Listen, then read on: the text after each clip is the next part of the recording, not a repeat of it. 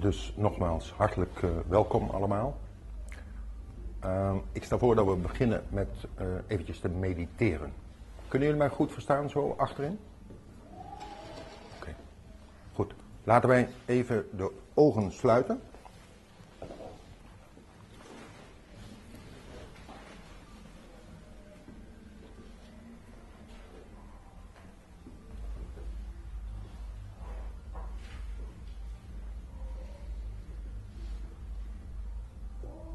Dus echt even stilstaan bij onszelf. Dus kijk of je je voeten kunt voelen.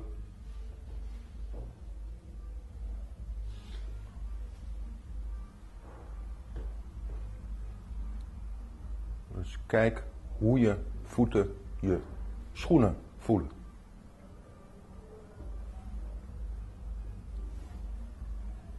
En terwijl je dat doet, zul je, net als ik vermoedelijk, die muziek horen. En um, mijn gevoel is, mijn voorstel is dat je die niet buitensluit, die muziek die van buiten komt, maar gewoon erbij neemt, erbij laat zijn. Dus je voelt je voeten en tegelijkertijd hoor je die muziek.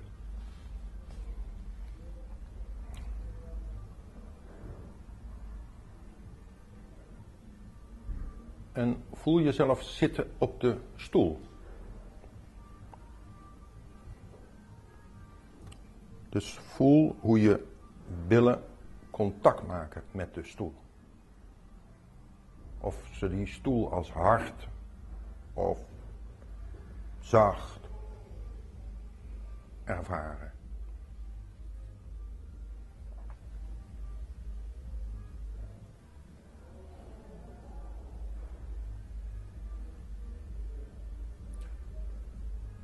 En voel je onderrug.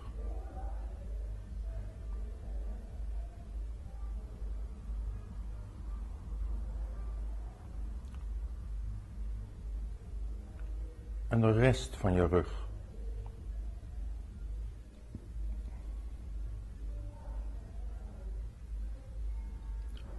En voel je schouders.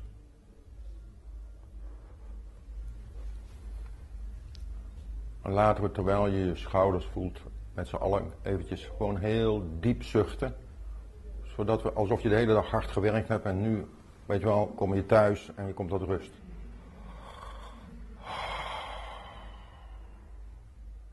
En doe dat nog maar een keer.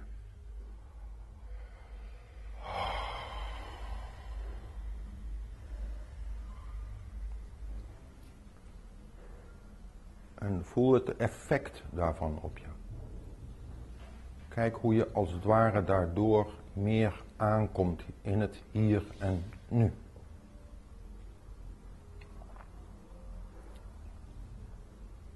En voel je armen en je handen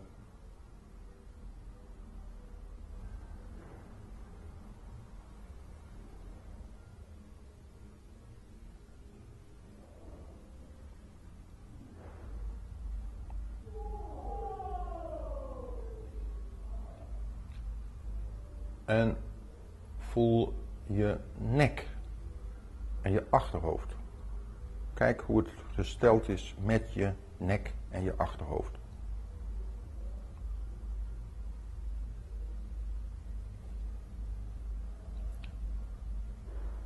En voel de bovenkant van je hoofd. Dus kijk wat er gebeurt als je met je aandacht naar je schedel gaat.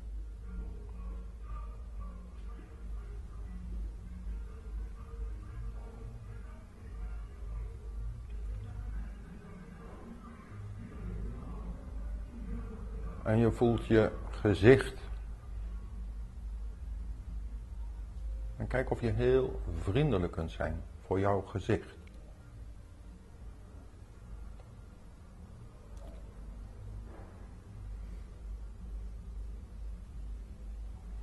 Dus kijk of je liefdevolle aandacht kunt ontwikkelen voor jouw gezicht en voor je ogen. Dus kijk dat het ervaar dat het mogelijk is om liefdevol te zijn naar jezelf. vriendelijk te zijn naar jezelf. En voel wat dat voor effect heeft.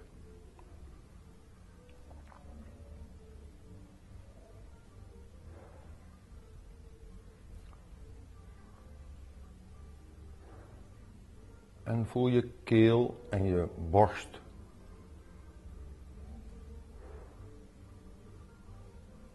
Dus voel hoe het gesteld is met je borst. De woonplaats van je hart.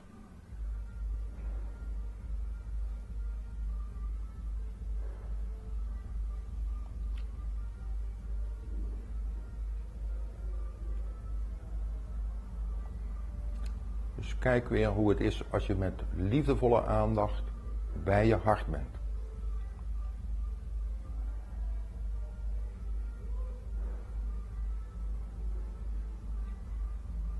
En je voelt je buik. En je hele onderlichaam. Maar voel vooral in eerste instantie je buik.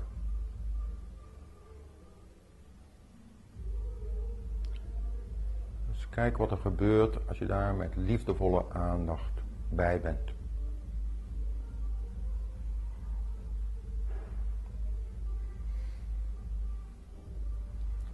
Kijk dan hoe, hoe het is als je jezelf in zijn totaliteit ervaart. Je lichaam in zijn totaliteit ervaart.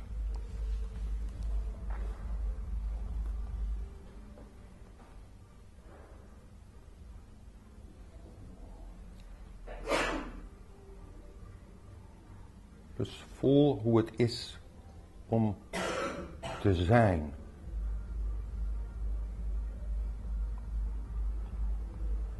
Voel wat er gebeurt als ik zeg dat jij per definitie een kostbaar wezen bent.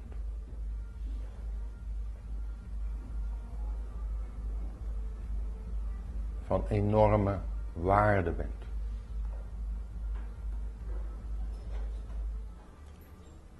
En wat ik jullie tijdens deze meditatie zou willen leren, is de mantra van zelfrespect. Dus kijk maar, er komt iemand binnen, maar blijf gewoon rustig bij jezelf.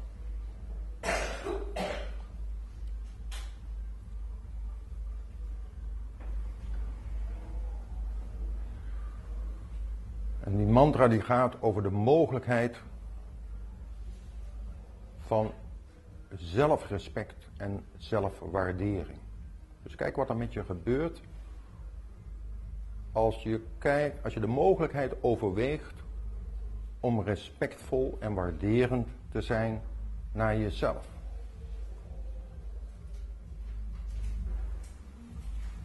En wat er gebeurt als je ervan uitgaat dat je per definitie een kostbaar wezen bent.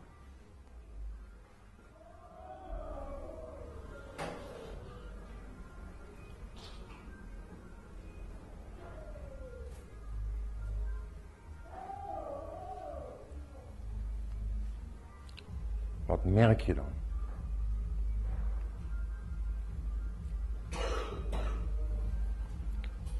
En de mantra van zelfrespect die gaat als volgt. Ik stem mij af op de mogelijkheid van zelfrespect en zelfwaardering en op de realisatie van het kostbare dat ik vertegenwoordig. Stel voor dat we dat even met z'n allen zeggen. Dus ik stem mij af op, laten we eens proberen. Ik stem mij af op de mogelijkheid van zelfrespect en zelfwaardering. Dus ik stem mij af op de mogelijkheid van zelfrespect en zelfwaardering. En dan het volgende stukje is, en op de realisatie van het kostbare dat ik vertegenwoordig.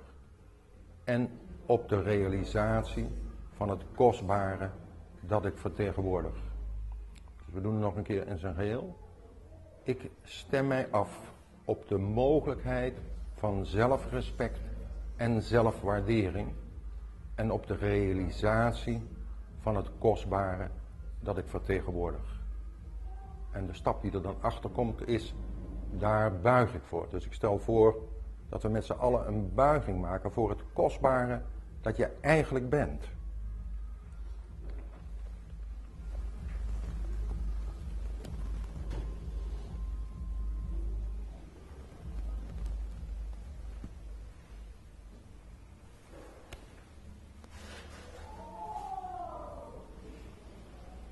Dan sluiten we daarmee deze meditatie af.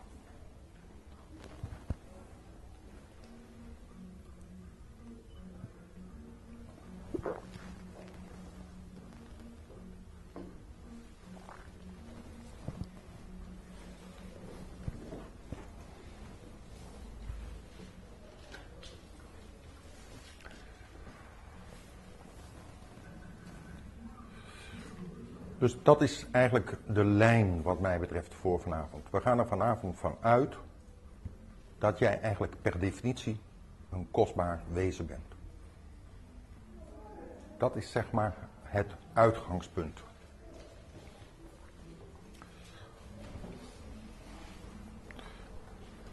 En wat mogelijk is, is zeg maar de, de ervaring dat je op een natuurlijke manier van betekenis bent. Wat mij betreft is ieder mens van betekenis. Dus de vraag van wat is de zin van mijn leven, dat is eigenlijk een hele logische vraag in de zin van dat je je afvraagt waar gaat het eigenlijk om in mijn leven. En wat eigenlijk daarbij heel erg belangrijk is, is dat wat mij betreft jouw leven als vanzelf, als van nature betekenis heeft. Jij bent hoe dan ook van waarde. Dus ik zou bijna zeggen, kijk eens even naar degene die naast je zit. Ja, jullie zijn met z'n drieën, dus wat ingewikkeld, maar toch. Kijk, kijk gewoon even naar iemand die naast je zit, in de buurt van je zit. Laten we zeggen, het zou toch heel wonderlijk zijn als je tegen die persoon zegt, jij bent niet van waarde. Dat zou toch heel wonderlijk zijn.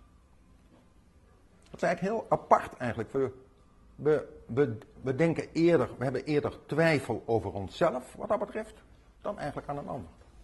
Denk ik.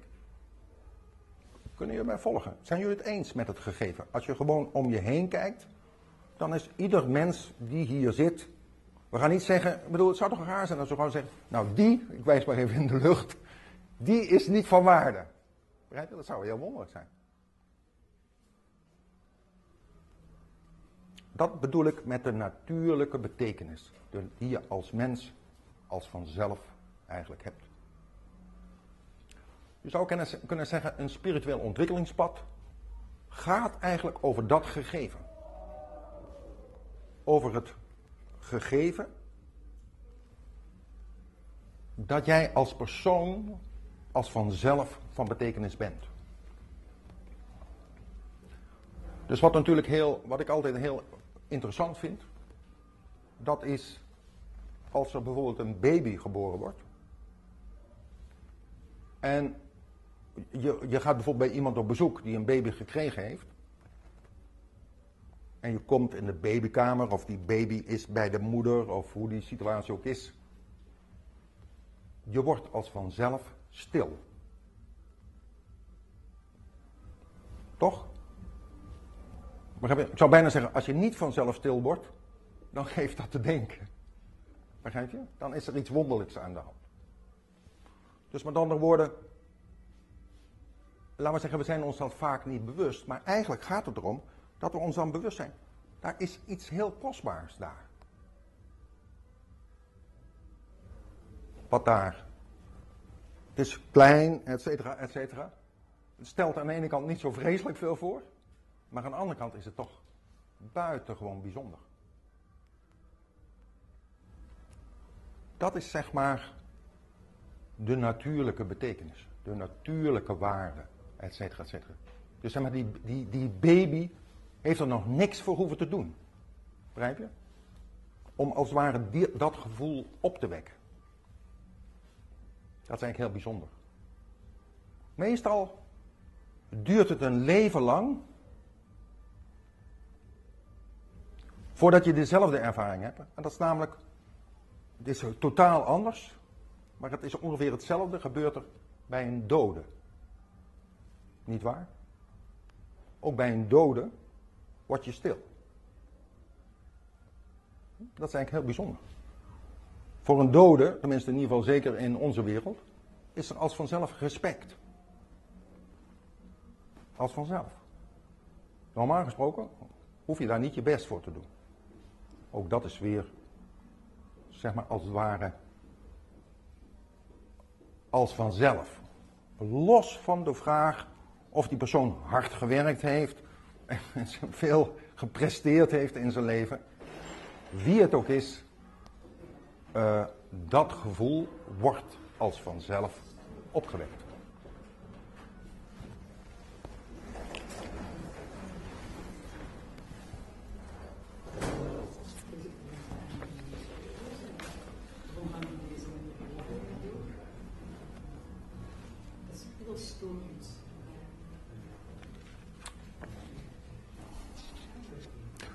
Dus er is een manier waarop, waarop we elkaar, maar ook zelfs de dingen kunnen ervaren, waardoor ze op een natuurlijke manier van waarde zijn.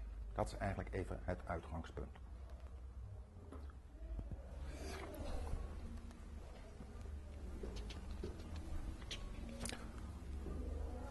Waar het dan om gaat, je zou dan kunnen zeggen, wat is, wat is dan eigenlijk het probleem? Het probleem is dat wij normaal gesproken daar heel moeilijk zelf in kunnen geloven. Dat we er van waarde, van waarde zijn.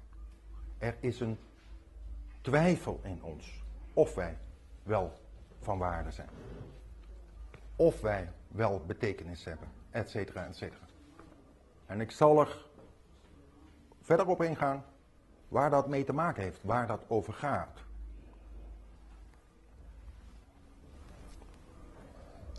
Maar die zelftwijfel, die komt bijvoorbeeld tot uitdrukking in de sfeer van, uh, bijvoorbeeld bij sommige mensen, heb ik eigenlijk wel bestaansrecht? Mag ik wel zijn wie ik ben? Uh, ben ik eigenlijk wel in orde? Ben ik wel intelligent genoeg? Ben ik wel mooi genoeg? Ben ik wel, wat kunnen we allemaal niet uh, willen zijn, bij wijze van spreken? Oftewel, ons gevoel van eigenwaarde is bijna per definitie precair. Is kwetsbaar op een bepaalde manier. En, uh, en je zou bijna kunnen zeggen, bijna iedereen die komt op een bepaalde manier uit zijn jeugd met dat, met dat, met dat kwetsbare gevoel van eigenwaarde. Heeft een soort zorg over uh, ben ik wel goed genoeg? Goed genoeg, waarbij er twee belangrijke varianten zijn in de vraag: ben ik wel goed genoeg? De ene vraag gaat erover: ben ik wel liefdevol genoeg?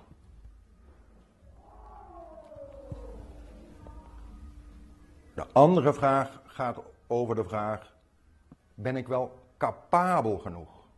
Ben ik wel bijzonder genoeg? Uh, uh, ben ik wel knap genoeg?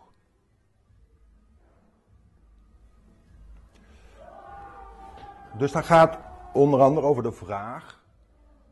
Wat de consequentie daarvan is, laat ik het zo zeggen. De consequentie daarvan is dat we per definitie bevestiging gaan zoeken.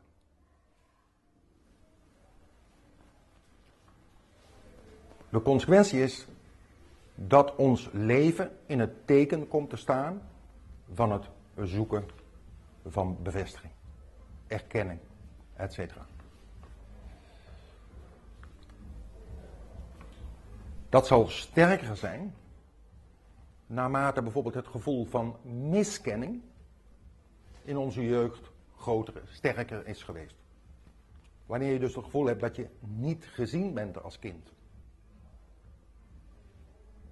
laten we zeggen, en dat, zeg maar, het fundamentele wat daar altijd speelt, waar ik straks verder op terugkom, is dat wij bedoeld zijn om onze bijzonderheid te leven. We zijn bedoeld om onze bijzonderheid vorm te geven. Allemaal zoals we hier zitten, maar voor de hele wereld geldt dat. Wij zijn unieke individuen. Iemand als jij wordt in al die miljoenen jaren maar één keer geboren. Deze persoon met deze achtergrond verschijnt maar één keer. En het fundamentele is eigenlijk dat het leven zelf zich via jou wil manifesteren. Bijvoorbeeld in zijn schoonheid. Maar schoonheid moet je dan niet zien als, weet ik veel, van de schoonheid van de Miss World verkiezingen. Begrijp je, er is een ander soort schoonheid. Begrijp je, het is net als de schoonheid, ik weet niet of jullie dat zo beleven, maar de schoonheid van de herfst bijvoorbeeld. De schoonheid van de herfst. Dan ga je ook niet, dan ga je ook niet zeggen, uh, je zou kunt hooguit zeggen, die beukenboom, die raakt mij in de herfst meer dan een eikenboom. Dat zou je kunnen zeggen. Je gaat niet zeggen van, uh, ja die beukenboom is eigenlijk minder bijzonder dan die eikenboom. Bij wijze van spreken.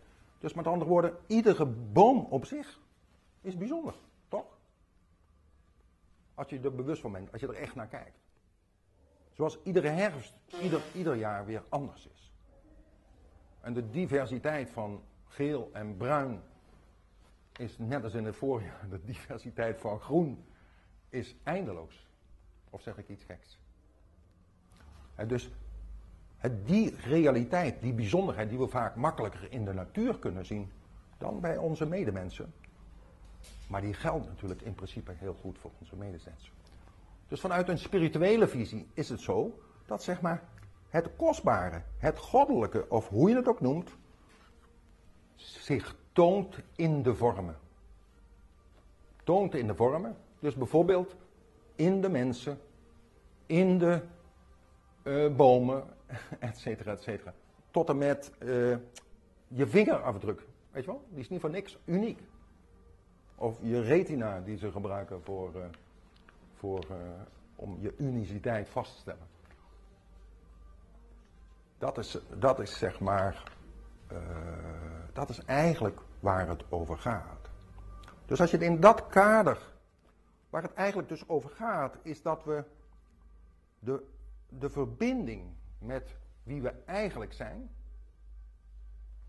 moeilijk kunnen ervaren. dus die verbinding met dat kostbare wat we eigenlijk zijn, dat bijzondere wat we eigenlijk zijn, moeilijk kunnen, kunnen ervaren.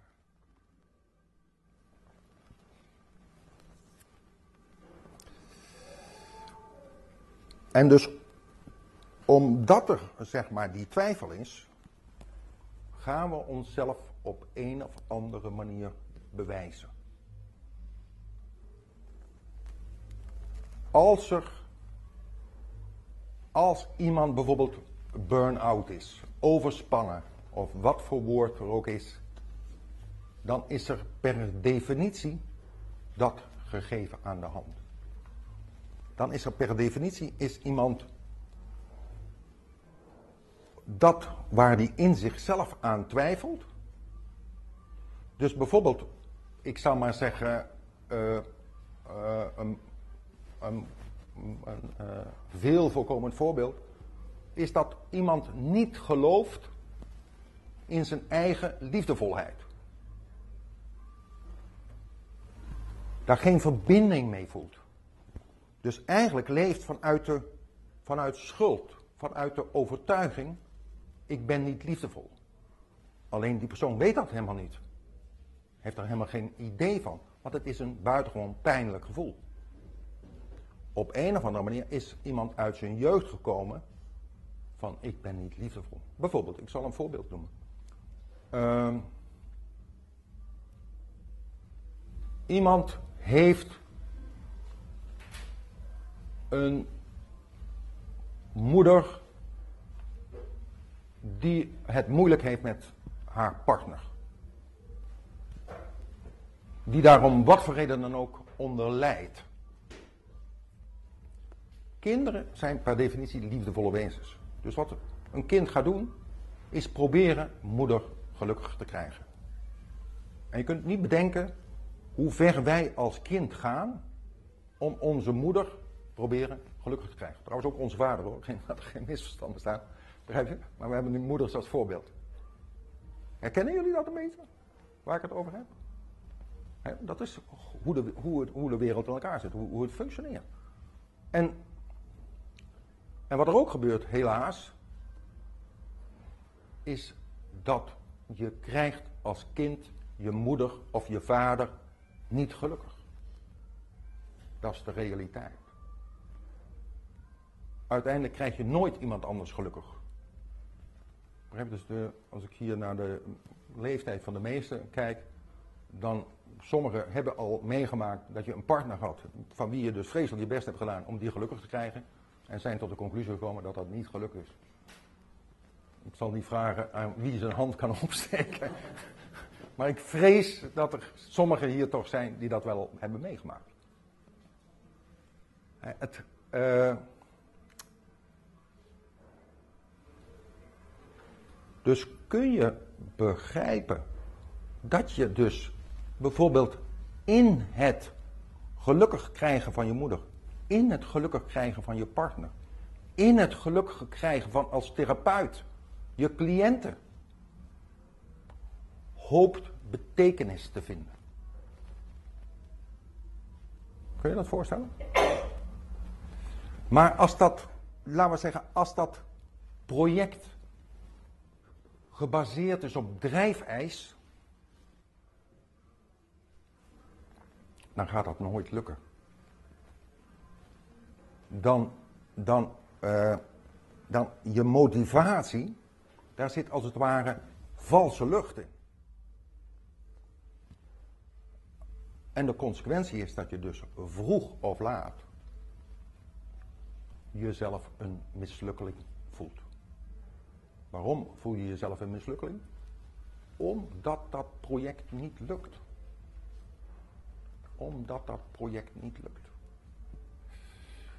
Dus de lijn die ik nu gezegd heb, is een lijn van iemand die als kind probeerde zijn moeder gelukkig te krijgen. Het lukte niet. Moeder bleef droevig. Of, weet je wel, sommige mensen bijvoorbeeld als kind gaan heel erg bemiddelen tussen hun vader en moeder. Nou, dat worden de rest van hun leven uitstekende bemiddelaars. Dus je leert er ook wel veel van. Dat is de andere kant. Maar de moeilijke kant is dat ook juist daar, misschien wel daardoor, uh, je situaties aantrekt die, die uiteindelijk niet slagen.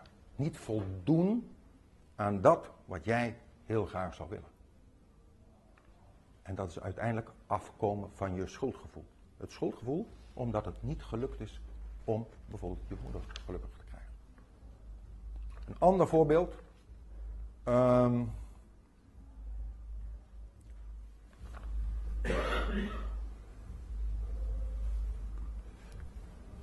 bazaal gaan vaders, laat ik maar zeggen, gaan voor kinderen, gaan heel erg over capabel zijn. En over laten we zeggen, in het, in het ideale geval, leidt een vader een kind in, in de wereld. Zoals, zoals vroeger, bij wijze van spreken, in, uh, zat vader op voetbal, nam zijn zoon mee naar het voetbal en leidde hem zo in, in het dorp, in de voetbalwereld. Of op een bepaalde leeftijd mocht hij in sommige gevallen mee naar het café. En zo werd hij in de mannenwereld bijvoorbeeld ingeleid. Er was natuurlijk eeuwenlang het idee dat dat voor vrouwen niet nodig is. Maar desalniettemin is het normaal gesproken zo dat ook alle vrouwen heel graag hadden gewild, hadden heel graag een vader gehad die ze geholpen had om in de wereld te functioneren. Ik maak in mijn werk heel vaak mee dat uh, vrouwen eh, dat heel erg gemist hebben, dat gegeven. En soms ook het gevoel hebben dat ze überhaupt niet in de wereld kunnen functioneren, omdat dat gemist is. Omdat dat ontbroken heeft. Maar waar het uh, nu vooral om gaat, is bijvoorbeeld een vader die eigenlijk in zichzelf het gevoel heeft dat hij incapabel is, die heeft automatisch de neiging om veel nadruk te leggen in de opvoeding, en zeker van zijn zonen, dat die vooral capabel moeten zijn. Goede cijfers halen, een goede timmerman worden, een, of een elektricien, of wat het ook moet zijn, of een goede boekhouder, of een goede directeur. Maar het, laten we zeggen wat het ook is, maar het moet vooral goed en bijzonder.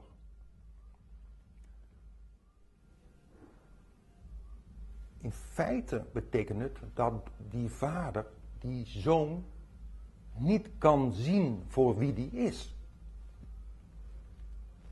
Kunnen jullie dat volgen? Als ik dat zeg? Begrijp je? Dus, want het zou wel eens kunnen zijn dat het, dat, dat voor die zoon helemaal niet zo'n ding is. Begrijp je? In het ideale geval is jouw vader geïnteresseerd in wie jij eigenlijk bent. En in wat jij zou willen. Et cetera, et cetera, et cetera. Dat is de ideale vader die jou helpt om daar te komen op de plek die goed is voor jou. Dat gaat niet altijd helemaal goed, niet waar? Ideale vaders en moeders, die moeten ze nog uitvinden volgens mij. En dat zal ook nog maar even duren voordat die uitgevonden zijn. Begrijp je? Dus daar, op een bepaalde manier zal dat, zal dat altijd een beetje wringen. Zal het altijd een beetje moeilijk zijn.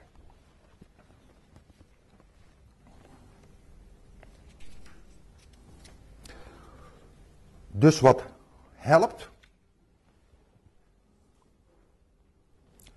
op een bepaalde manier is in te zien uh, waar in jouw handelen sprake is van compensatie. Dat kun je achterhalen in de mate dat je in staat bent om te zien dat je eigenlijk te hard werkt, te veel geeft, te veel doet. Een andere variant is dat je tot niks komt. Dat is een ander uiterste. In beide gevallen is er op dat gebied iets aan de hand. Is het belangrijk om te kijken. Ook als iemand tot niks komt, ja, dan gelooft hij natuurlijk niet in zichzelf. En wat eigenlijk zo belangrijk is, misschien ga ik dat nog vaker zeggen vanavond. Wie zou jij wel niet zijn dat jij niet van waarde bent?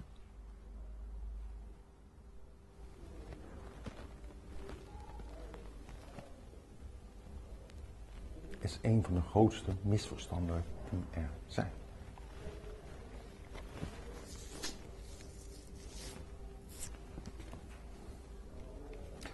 Dus als het gaat om de vraag wat is de zin van het leven, is een interessant.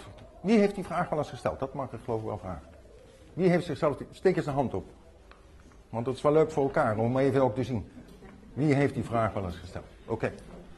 Ehm, ik ga dan nog een vraag stellen, kijken of iemand er antwoord op durft te geven. Onder welke omstandigheden heb je jezelf die vraag gesteld? Wie durft daar een antwoord op te geven op die vraag? Wat waren je omstandigheden toen je jezelf heel erg die vraag ging uh, stellen? Sorry? Uh, het was niet goed op dat moment. Nee, kijk, dat is eigenlijk. Hebben meer mensen dat gevoel? Nee, bij mij is het wel goed en toch Oké, hartstikke goed. Ik ben, ben, ook blij om dat te horen. Ik zal zo meteen, dan kom ik misschien nog op je terug. Ik ga nu even naar die andere uh, groep. En kijk, meestal is het natuurlijk zo dat ik zal maar zeggen, je bent heerlijk met vakantie. Je bent heerlijk een dag vrij. Je bent op het strand of waar je ook bent. Uh, je bent heerlijk aan het wandelen. Dat is meestal niet het moment dat de vraag opkomt: wat is nou eigenlijk de zin van het leven? Begrijp je? Je bent met een geliefde. Dan heb je andere dingen aan je hoofd dan de vraag: wat is de zin van het leven? Toch? Dus interessant verschijnsel. Dat we dus die vraag gaan stellen als het moeilijk wordt. Wat heel erg belangrijk is, mensen, als het moeilijk wordt, dan is het kansrijk. Als het moeilijk wordt, dan is het kansrijk. Want als het moeilijk wordt, als mijn partner, ik, ik noem maar even steeds datzelfde voorbeeld, maar er zijn nog helemaal andere mogelijkheden. Maar als mijn partner mij uh, niet meer helpt om van mijn schuldgevoel af te komen, snap je? En op een gegeven moment zegt, ja, maar je hoeft niet steeds mijn jas uh, dit te doen en je hoeft mij niet steeds te verzorgen, et cetera, et cetera, et cetera. Bij sommige mensen valt hun hele leven dan in duigen. Kun je dat voorstellen? Met, met zoiets. Dat komt er eigenlijk op neer dat ik dan via mijn partner van mijn schuldgevoel probeer af te komen. Nou, in het begin vinden partners dat hartstikke leuk. Maar na een tijdje hebben ze daar geen zin meer in. Wat, waar het ook op gaat. Of ik, heb, ik geloof bijvoorbeeld niet in mijn eigen intelligentie. Dan betekent het meestal dat je dat gaat compenseren door. Want waarschijnlijk ken je allemaal wel die mensen. Ik bedoel, dat hebben wij nooit zelf, maar dat hebben we altijd alleen maar anderen. Dat is namelijk dat je dan ziet dat iemand hele interessante verhalen gaat vertellen. En die houdt niet op met interessante verhalen vertellen. Ken je die mensen? Niet iedereen geloof ik. Maar kan je vertellen dat ze bestaan. Dus, dus met andere woorden, zo gauw je dus bijvoorbeeld niet gelooft in je eigen normaal gesproken kennis of deskundigheid of intelligentie of dat soort. Wat je dan gaat doen is proberen te compenseren. Je gaat alle tijdschriften lezen, et cetera, et cetera. Alle programma's die dan bij de deskundigheid die jij hebt uitgezocht horen. Zodat je op je werk en overal kunt gaan vertellen hoeveel jij wel niet weet op dat gebied. Zeg ik iets geks? Ik zou bijna zeggen, ik hoop van niet. Um,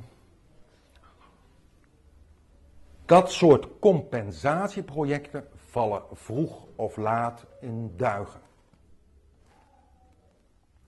Kennen jullie het woord duigen ook hier? In duigen vallen? Oké. oké.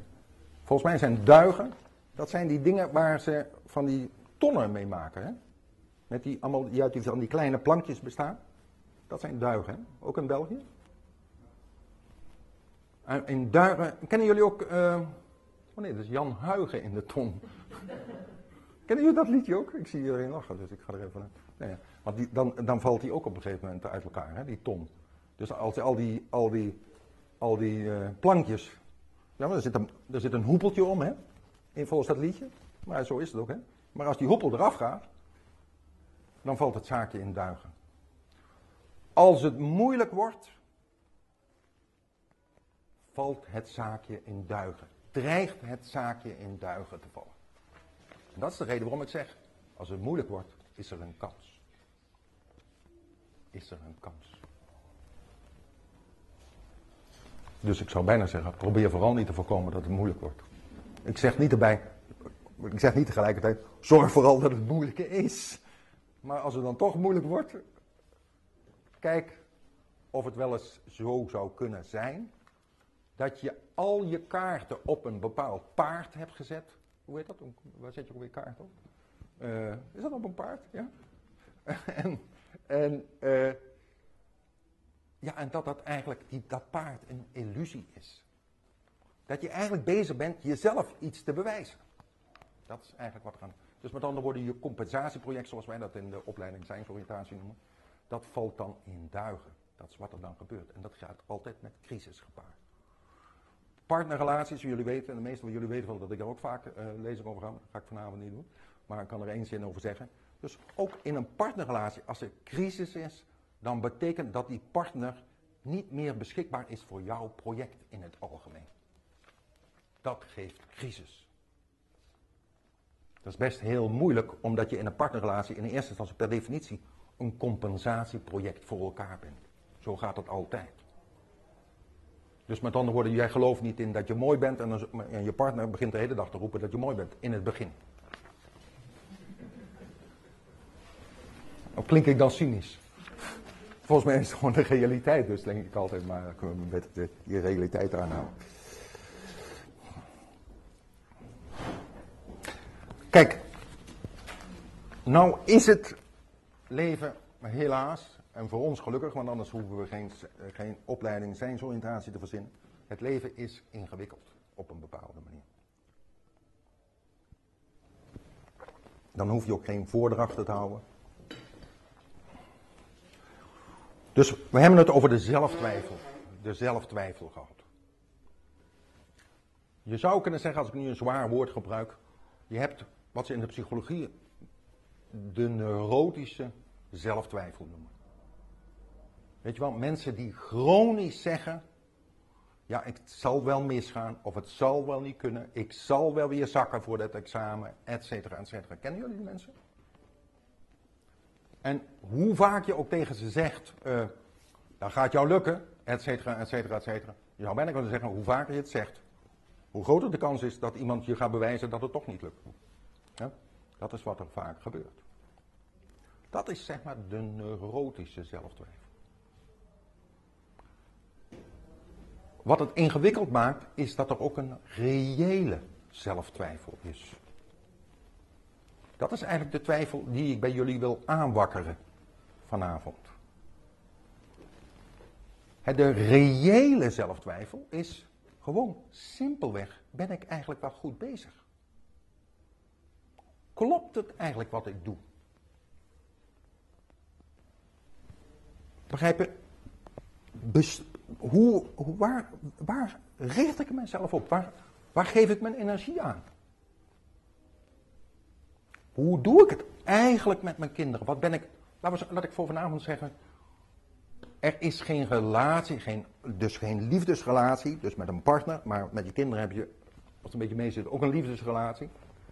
Begrijp je? Dus waar een liefdesrelatie is, is ook altijd compensatie. En voor kinderen betekent het dat kinderen op een of andere manier jou iets moeten bewijzen. En zwart-wit, laat ik dat maar meteen weer zo zeggen. Zwart-wit betekent of jou moeten bewijzen dat je liefdevol bent, dan betekent het meestal dat je dus heel verzorgend bent naar je kinderen, overdreven verzorgend. Als je dat bent, begrijp je, want dan, en dan in het, in het eh, uiterste van moeten de kinderen ook vooral zeggen dat je zo'n geweldige vader of moeder bent, begrijp je, en liefst iedere dag. Dan betekent het dus dat je dat eigenlijk aan het bewijzen bent ten opzichte van je kinderen. Dat is de ene versie. En de andere versie is, uh, dus met andere woorden, je bent, wat je van je kinderen vraagt is of, en dat tot op zekere hoogte dus, dat je een liefdevolle ouder bent, of dat je een hele capabele ouder bent. Dat zijn zwart-wit de twee mogelijkheden. En bij één van die twee geldt dus voor ons allemaal. Op die manier hoop ik, wat mij betreft, de gezonde zelftwijfel bij jullie vanavond aan te wakkeren. Dus want het is gewoon goed om daarnaar te kijken. Hoe werkt dat nou eigenlijk bij mij? Begrijp je? Want het bijzondere is van, ik noem het nog maar weer even neurose, het is een vreselijk woord, maar toch. Het bijzondere van neurose is, als je het echt aangekeken hebt, lost het op. Als vanzelf. Maar daarvoor moet je het wel echt onder ogen zien. En wat helpt is dat je het gevoeld hebt. Dat betekent dus, maar dan ga ik al naar de oplossing, dat had ik later gepland, maar goed. dus de oplossing is daarvoor eigenlijk dat je de pijn onderzoekt die je als kind hebt opgelopen. Dat je de miskenning aankijkt de mislukking aankijkt. De eerste mislukking is de mislukking ten opzichte van je ouders. De tweede mislukking is vroeg of laat de mislukking in je partnerrelatie. En daar vaak aan gekoppeld tot op zekere hoogte de mislukking naar je kinderen. De mislukking naar je kinderen betekent eigenlijk altijd dat je dus niet de vader en de moeder hebt kunnen zijn die je had willen zijn. En ik, laten we zeggen, want, laten we zeggen, er is geen vader en moeder op deze wereld die de vader of moeder heeft kunnen zijn die die had willen zijn. Met andere woorden, met wat zo uh, behulpzaam is, is dat je realiseert dat jij niet de enige bent dat dat niemand voor elkaar krijgt. En dat heeft te maken, kijk, waarom is dat zo? de bedoeling van het leven is, laten we zeggen, ehm, dat we, laten we zeggen, een reële zelftwijfel hebben. Dus met andere woorden, dat we ons best doen om een goede vader en moeder te zijn. Maar ik kan mijn best doen, ergens voor, zonder dat ik mezelf onvoldoende hoef te verklaren. Begrijp je? Ik kan kritisch zijn naar mezelf. Ik zou, bedoel, straks wil ik rijk naar huis en een hele tijd de tijd. Kan ik kijken hoe goed of slecht was dit vanavond. Dus ik kan kritisch kijken naar mijzelf, hoe ik dit doe. Maar dat is iets heel anders dan dat ik mezelf afbreek. Begrijp je? Het wonderlijke is daarbij, is ook weer een paradox. Het wonderlijke is, hoe meer ik geloof in mijzelf, in wie ik eigenlijk ben, des te makkelijker kan ik kritisch zijn naar mezelf. Des te makkelijker kan ik Adriaan vragen, wat vond je daarvan vanavond? Heb je nog suggesties? Hoe ik het beter zou kunnen doen? Begrijp je? Als ik, als ik denk, als ik mijn houding tot mijzelf is, van, uh, ja, het wordt nooit wat met jou. Het is nooit geweest en het zal nooit wat worden. Begrijp je? Dan, als iemand dan maar één vinger zegt van Chris, uh, dit of dat of dus of zo, dan komt dat heel hard binnen. Begrijp je? Dus wat heel erg belangrijk is, als we bijvoorbeeld ons afgewezen hebben gevoeld. We gaan stofzuigen, geloof ik.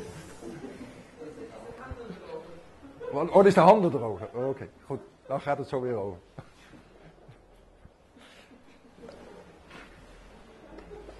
Nu ben ik even te, de kwijt.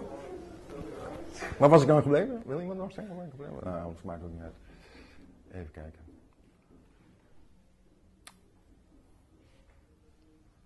Begrijp je? Dus eigenlijk is het zo. Naarmate ik een realistischer gevoel van eigenwaarde heb, kan ik kritischer naar mezelf kijken. Kan ik eerder geïnteresseerd zijn in wat een ander van mij vindt en denkt, hoe ik moeilijk ben voor een ander of lastig ben voor een ander, et cetera, et cetera, et cetera. Dat gaat dan vanzelf makkelijker. Een gevoel van eigenwaarde wordt bevrijd. Dus zeg maar, iedere baby heeft een reëel gevoel van eigenwaarde. Het is helemaal geen onderwerp. Begrijp je? Je gaat niet kijken van, goh, zou die baby wel een gevoel van eigenwaarde hebben? Et cetera, et cetera. Bij een kind van één ga je dat meestal ook nog niet doen, als het een beetje mee zit. Uh, en bij twee eigenlijk ook nog niet. Maar bij drie, vier, vijf, zes begint het zo'n beetje te komen, nietwaar? Degene die kinderen meemaken. Dus dan is er al van alles gebeurd. Dan is er al van alles gebeurd. En bazaal gaat het altijd over het feit. Uh, kijk, je kunt je niet voorstellen dat wij geboren worden als 100% goedheid. 100% goedheid. Want we komen voort uit de goedheid. Alleen het wonderlijke is dat die goedheid gaat aan zichzelf twijfelen en dan vervolgens gaat die goedheid proberen te bewijzen dat hij goed is. Maar juist wanneer hij gaat bewijzen dat hij goed is, gaat het niet meer goed. Begrijp? Is het niet meer natuurlijk? Is het niet vanzelfsprekend? Het is net zoiets als ik, ik moet ineens denken aan iemand met een natuurlijke gratie. Of iemand die zich een beetje gracieus gaat gedragen. Dat is een heel groot verschil. Dat is toevallig een voorbeeld wat in mijn hoofd komt. Het is net als een beetje wat je met violisten hebt. Sommigen hebben een natuurlijk talent, anderen hebben het geleerd. Het is een beetje oneerlijk verdeeld natuurlijk, want sommige mensen hebben dat talent, weet je wel, natuurlijk talent. En andere mensen hebben het geleerd. En hebben heel veel kunstjes geleerd. En kunnen daardoor heel goed, uh, noem eens wat, spelen. Uh, maar het is toch anders. Dat gaat dus in de richting van de oplossing. Maar kijk, wat het ook lastig maakt, is het volgende.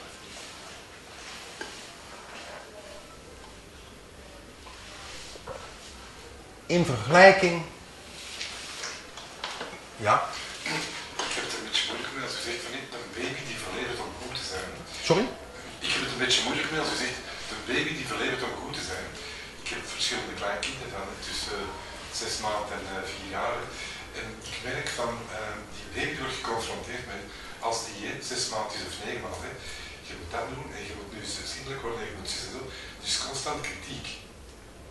Dus de onopvoeding is eigenlijk een pakje kritiek over u krijgen. Dus als die baby verliest zijn goedheid of wordt hij heel erg geconfronteerd met ja, eigenlijk goede baby en die lacht hè, als de papa of de mama zo uh, boven, boven hun liggen, dan lacht hij, dan lacht hij. Enfin, er is een verwachtingspatroon. Dat klopt. Dus met andere woorden, wij komen allemaal ter wereld met zeg maar een, uh, een verwachting dat er een omgeving is die perfect aansluit op ons. Dat klopt. Dat is zo. En als je zou zeggen, nou zou je kunnen zeggen van, hoe kom je daarbij? Nou, daar kom ik bij vanwege het feit dat als dat niet het geval is, dan doet dat pijn. En dan kan het betekenen, dus als die omgeving niet afgestemd is op een kind, en geen enkel kind krijgt een 100% afgestemde omgeving, dat is een heel belangrijk gegeven, uh, dan leidt dat tot teleurstelling, tot pijn in een kind. En een kind gaat daar vervolgens ook per definitie oplossingen voor zoeken. Maar je bedoelt eigenlijk het verwachtingspatroon van de buitenwereld, maar hoe dat de baby zich nee, nee, nee, nee, De, de baby heeft een verwachting, niet in de zin van dat hij bedenkt, oh ik kom straks naar wereld en dan is er, uh, weet ik veel, uh, suikergoed en marsepein. Begrijp je niet in die zin. Maar kijk, wat wel zo is, is dat een baby in, die in Peking wordt geboren, of een baby die in Mexico wordt geboren, of een baby die in Lier wordt geboren, allemaal, laten we zeggen, als er niet komt, als er niet komt wat die, wat hij nodig heeft, zo zou ik het ook kunnen zeggen, dan doet dat pijn. Dus met andere woorden, een kind is gebouwd als het ware ontwikkeld op een bepaalde verwachting. Want op die bepaalde verwachting laat hij ook merken dat er iets niet klopt. In het begin kan hij alleen maar huilen, kan hij zeggen van die melk is een beetje te koud of te heet of dit of zus of zo. Maar begrijp je, er is een bepaalde verwachting. Per definitie. En die sluit nooit 100% aan. Dat is heel erg belangrijk. En uh, sluit nooit 100% aan. De realiteit is, ik zal maar even zeggen, dat hij in sommige gevallen 80% aansluit in andere geval 50% aansluit en in sommige gevallen nog geen 10% aansluit. En de moeilijkheden in het leven hangen direct samen met de mate waarin het de, aansluiting geweest is. Maar moeilijkheden zijn er per definitie. Dat is per definitie. Maar laat me nog een andere factor noemen die belangrijk is in dit verband. En dat is, uh, het beste kan ik dat uitleggen dat op een bepaalde manier hebben planten bijvoorbeeld het een stuk makkelijker dan mensen. Ik zeg altijd, als je als beukennootje bent geboren, of tulpenbol, dan is het betrekkelijk overzichtelijk. Ik heb nog nooit een eik zien uh, ontstaan uit een beukennootje. Of een eik, uh, nee, eik uit een beuken, beuken, ja, enzovoort. Je snapt wat ik wil zeggen. Dat, is, dat gebeurt niet. Dus met andere woorden, als jij, laten we zeggen, je bent een tulpenbol, nou dan ben je bedoeld voor een paarse of een rode of een gele of wat dan ook. Maar je wordt de tulpenbol, als de omstandigheden mensen een beetje mee zitten, ja ik zou maar zeggen, waarvoor jij bedoeld bent. Het bijzondere van een mens is dat hij geboren kan worden als een beukennootje, zal ik dan maar even zeggen, in overdrachtelijke zin. Maar onderweg kan hij denken, ik kan beter eik worden. Dat is veel succesvoller. Kun je een beetje volgen wat ik zeg? In deze metafoor. Dus het bijzondere van een mensenleven is dat wij zelf moeten zien uit te vinden waar wij voor bedoeld zijn. Het bijzondere van een mensleven is dat wij zelf moeten uitvinden waar wij voor bedoeld zijn. Dat is een heel belangrijk ding.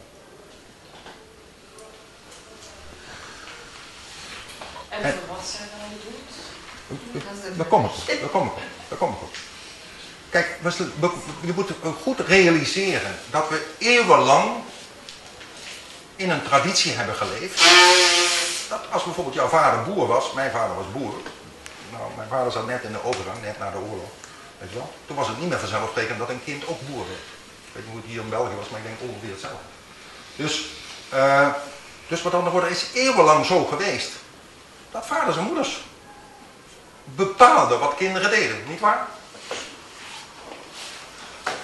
Er werd niet aan het kind gevraagd, wat vind jij leuk? Of wat spreekt jou aan? Etcetera. Als je geluk had, hielden je ouders daar een beetje rekening mee.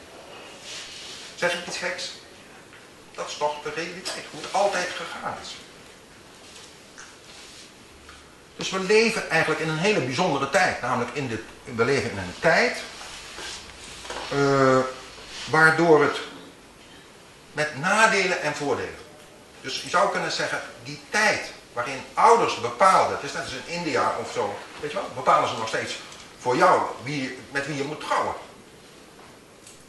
En als je dan geluk hebt, denk ik, dan houden ze ook een beetje rekening met wie jij bent en wat jij leuk vindt, et cetera, et cetera. Weet je wel, wie weet vragen ze dan wat jij leuk vindt. Of je van blond houdt, of van grijs, of uh, waar vandaan. Uh, uh, als je pech hebt, dan, dan wordt er volstrekt geen rekening met je gehouden.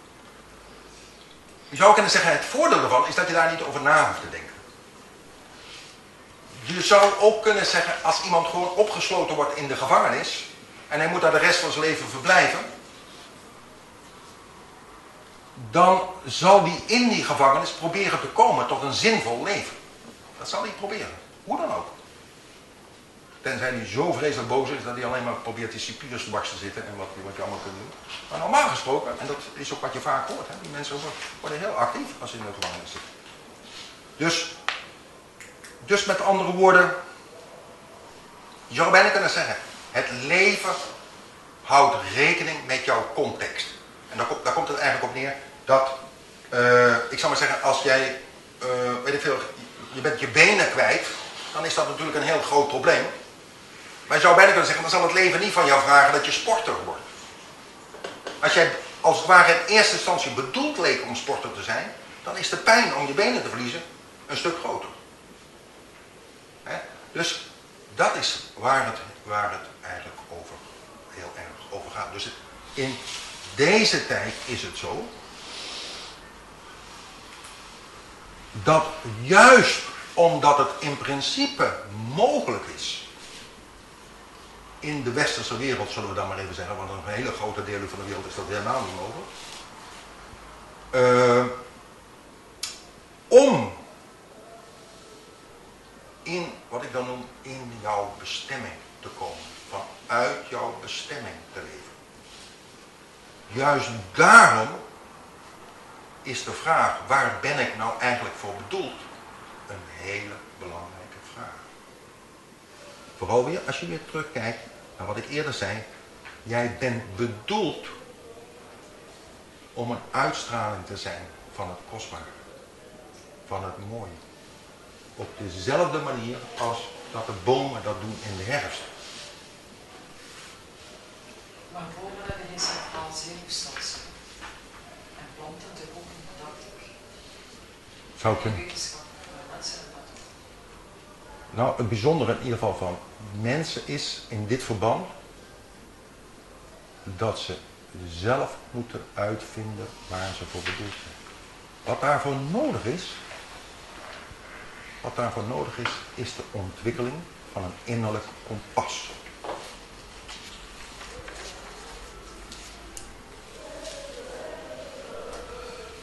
Jouw innerlijk kompas zegt op dit moment bijvoorbeeld dat je hier goed zit of dat je beter naar huis kunt gaan. Dat is wat jouw innerlijk kompas op dit moment per definitie zegt, bij wijze van spreken. Dus met andere woorden, dat innerlijk kompas zegt niks. Zal ik maar zeggen, als je hier goed zit. Maar als je hier niet goed zit, dan gaat dat innerlijk kompas jeuken, zal ik dan maar zeggen. Dat is je innerlijk kompas. probleem weer is met het innerlijk kompas, dat is dat dat een oppervlaktelaag heeft en een dieptelaag. Dus, en dat heeft weer te maken met het feit dat je bijvoorbeeld hier zit en aan de oppervlakte denkt, wat een rotstoelen zijn het, bij wijze van spreken. Of die herrie hier, et cetera. Maar de meeste van jullie zijn toch gebleven, omdat er waarschijnlijk een diepere laag was, hoop ik dan. Die dacht van, het zou kunnen zijn dat het toch interessant wordt vanavond je? Kunnen jullie voelen dat er, wat dat verschil is tussen de oppervlaktelaag van een kompas en de diepte van een kompas? Wij kunnen enorm groeien in de afstemming, in, de, in het vermogen om af te stemmen op ons kompas. En het is buitengewoon belangrijk wat mij betreft, dat we dat allemaal gaan zien. Dat we dat allemaal gaan voelen. Dus dat innerlijke kompas is voor ieder gezond mens, redelijk gezond mens, altijd beschikbaar. Alleen het verschilt er heel erg in bij mensen in welke mate dat ontwikkeld is. Dat innerlijke kompas is per definitie eigenzinnig. Kunnen jullie dat voorstellen? Dus eigenzinnig in de zin van dat een van de belangrijkste kenmerken van het innerlijke kompas is dat de kans vrij groot is dat op nogal wat gebieden jij iets anders wilt dan een ander. Dat jij net laat ik maar zeggen, van een ander soort eten houdt dan je partner. Natuurlijk kun je het ook wel doen met hetzelfde eten, oké. Maar sommige dingen wil je net iets anders. Iets meer zout, iets meer peper, ik verzin maar wat. Dat zijn allemaal kenmerken van jouw innerlijk kompas.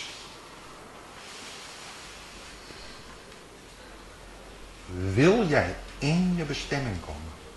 Wil je het gevoel hebben dat je leven klopt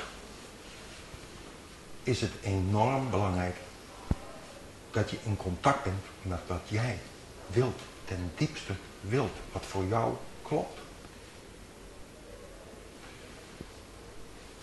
Dus het belangrijkste is daarbij het volgende.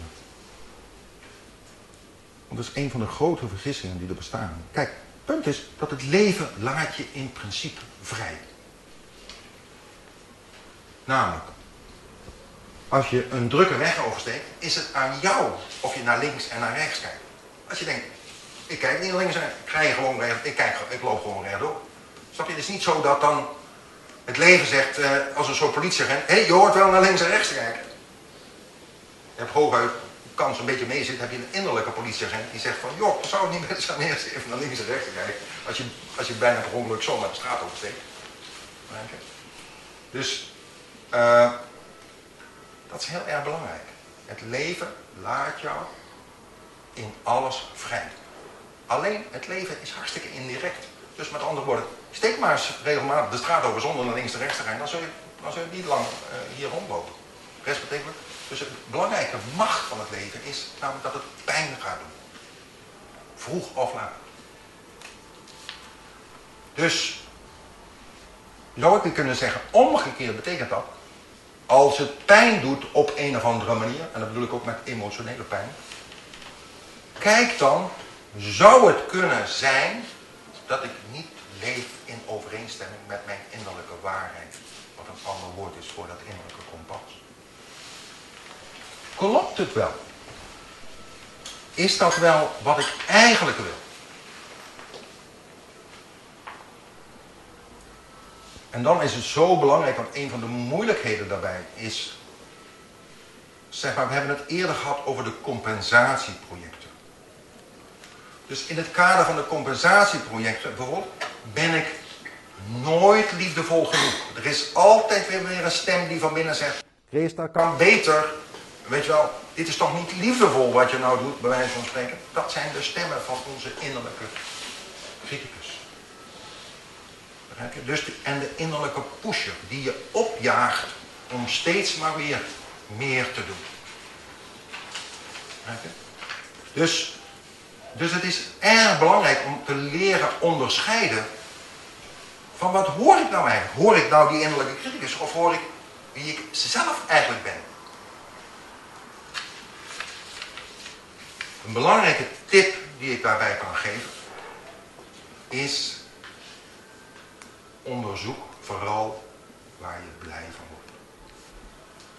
Onderzoek vooral waar je blij van wordt. Neem heel. Kijk, het leven is eigenlijk bedoeld, je zou het niet geloven, is eigenlijk bedoeld dat jij een blij mens wordt. Dat je op je sterfbed kunt zeggen, ik heb een goed leven gehad. Met terug kunt kijken naar je leven en zegt, nou, heb ik best goed gedaan. Dat, zo is het leven eigenlijk bedoeld.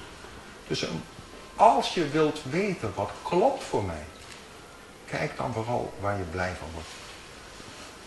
Bijvoorbeeld op onze website van Centrum Zijnsoriëntatie staat bijvoorbeeld een checklist loopbaanonderzoek. Dat is een vrij uitgebreide checklist. En die begint ermee met je steeds vragen te stellen. Dat begint al heel vroeg.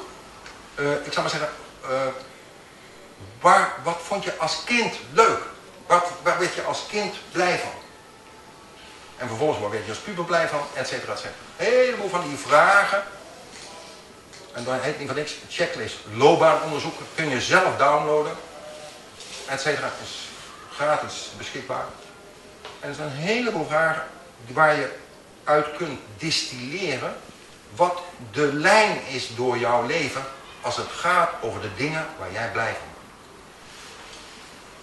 Ik zal maar zeggen, sommige meisjes hebben één of twee poppen. En voor mijn part geef je er zeker in deze tijd, want dan krijgen ze er nog twintig extra. Maar ze spelen niet met die twintig extra, ze spelen met die twee. Sommige meisjes zetten voortdurend een hele kamer vol met twintig poppen. Je kunt al ongeveer voorspellen hoe iemand die altijd met één pop was, is als die 20, 30, 40 is, of iemand die altijd de hele kamer vol zet met poppen. Daar heb je, niet, heb je niet zoveel fantasie voor nodig. Begrijp je? Bedoel, die kind met het ene pop, de kans is vrij groot dat hij in de klas één vriendinnetje kreeg op de kleuterschool. En daar altijd mee speelde. En op de middelbare school ook weer één vast vriendinnetje. Je moet altijd een beetje voorzichtig zijn wat dat betreft om snelle conclusies te trekken. Maar zo kun je wel ook voor jezelf lijnen zien in je leven. Lijnen zien, waar werd jij blij van? Wat gaf jou een gevoel van voldoening? Wat gaf je het gevoel, als, als dat gelukt was, was ik hartstikke tevreden. Was ik gewoon blij. Kon ik gewoon ontspannen. Weet ik veel, geen dom voor de televisie zitten, want het leven was oké. Ik verzin maar wat. Ja? Wat doe je als je het zelf allemaal niet meer weet en ook je ouders niet? Nou, dan, dan is die weg moeilijk. Als je ook geen zus hebt of geen broer en niemand weet meer hoe dat vroeger was, en je bent het zelf compleet vergeten, uh, dan heb je een probleem. Dan lukt dat niet. Maar ik durf het te zeggen, omdat de meeste mensen denk ik nog wel op een of andere manier kunnen achterhalen. En dat is bijvoorbeeld een manier, ik zeg niet dat het de enige manier is. Kijk, want Um, zo kunt spelen. Een ervaring van een kind is toch niet hetzelfde als een ervaring van een volwassene? Ja, nee, dat klopt ook. Maar er zit wel een lijn in het leven van een mens. Er zit een lijn op een heel veel lijnen. Gelukkig in het leven. Maar kijk, um, belangrijk is, zeg maar, sowieso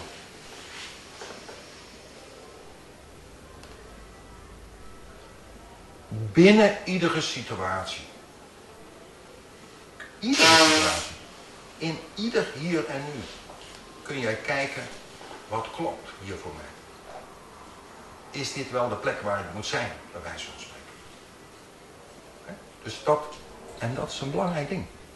Respectievelijk dat we leren zeggen waar we last van hebben. Wat we moeilijk vinden. Op een manier die die ander kan horen. Begrijp je? En waardoor er een gesprek mogelijk is. Want daardoor kun je je invloed uitoefenen. Oefen je je invloed uit, dan krijgt je leven de vorm die klopt voor jou. Zelfs zonder dat je dus weet waar je uiteindelijk voor bedoeld bent. Laten we zeggen, dat is maar een kleine categorie mensen die op een vierde al wisten, ik ben bedoeld om violist te worden en die de hele leven lang of niks aan maar één ding doen, en dat is viool spelen. Dan is het redelijk overzichtelijk. Begrijp je? Maar, en sommigen weten op een vierde al dat ze arts willen worden. Maar ik kan je vertellen, er zijn veel artsen op een veertigste die het gevoel hebben dat ze in een fuik gelopen hebben, maar ze kunnen geen kant meer op, want ze zijn er helemaal arts. Dus wat kun je nog anders? Je moet moeilijk gaan solliciteren en zo. Vaak. Zo kunnen mensen dat gevoel hebben. Dus vooral als dus die afstemming op wat klopt nou voor, voor mij, als die niet helemaal goed is gegaan in een leven. Je dus in dit geval de studiekeuze niet helemaal goed gelopen is. Een ander ding. Kijk, de.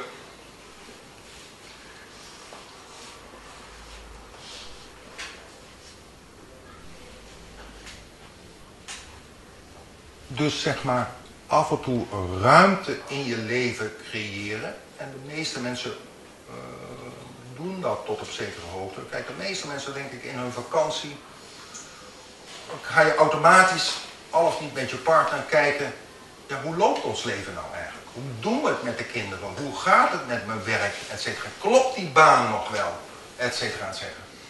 Dus af en toe is wat dieper kijken hoe het gaat. Kijk, het valt mij altijd ontzettend op als, je, als ik bijvoorbeeld als je zeg maar werkt, bijvoorbeeld uh, mensen begeleidt die bijvoorbeeld uh, manager zijn of directeur, et cetera, van een bedrijf. Die zijn voortdurend bezig om dat bedrijf te analyseren, wat beter kan, et cetera, et cetera, et cetera. En dan maken ze hele plannen voor. Hè? is geen bedrijf dat tegenwoordig geen plan heeft, zal ik maar zeggen. Maar het enige waarmee ze geen plan hebben, is met hun eigen leven. Wat eigenlijk heel erg jammer is. Want het leven, jouw leven is het kostbaarste wat je in handen hebt. Respectievelijk, als je daar niet goed voor zorgt, dan word je er echt ongelukkig van. Dus een retraite doen of dat soort dingen is wat mensen vaak heel erg helpt om helder te krijgen op een meer fundamentele niveau.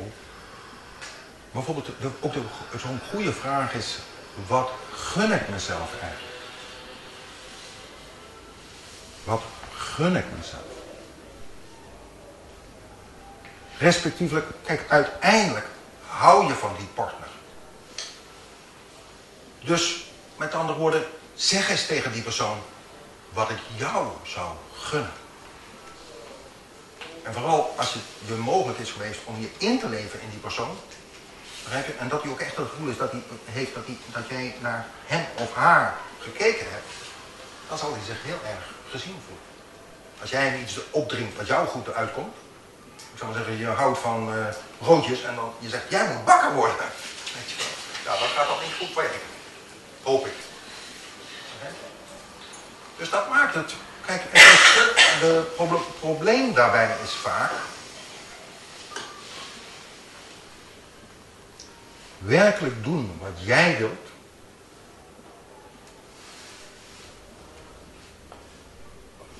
kan het gevoel geven dat je daarmee anderen kwijtraakt. Dus wij willen, we hebben een enorme drang om te voorkomen dat we anderen kwijtraken.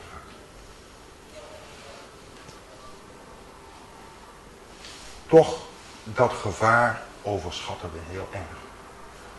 Want iemand die gewoon op een reële manier authentiek is en eerlijk is en zegt wat hij wil.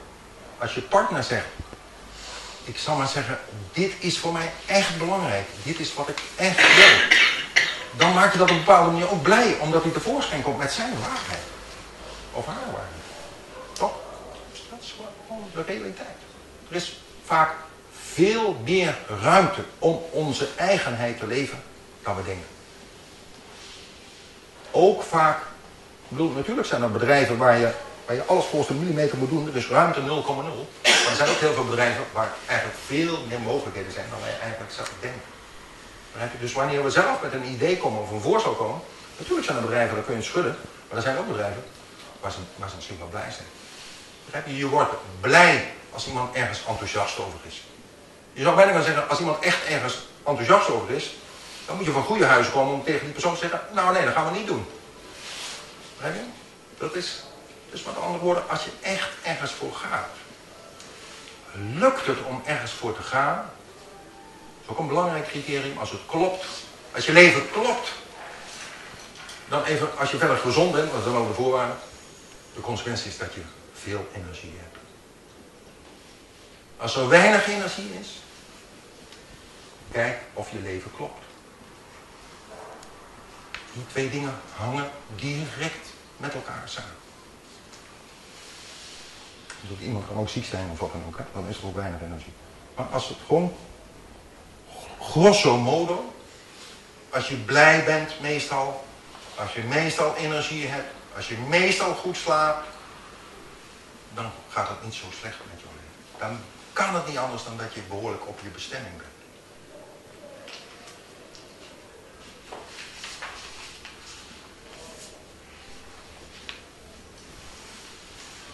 Dat is het, geloof ik, wat ik in eerste instantie hier vanavond over zou willen zeggen. En dus ik stel voor dat we eventjes gaan pauzeren. Dan kunnen jullie dit nog eens op je in laten werken en dan gaan we straks kijken of er vragen zijn.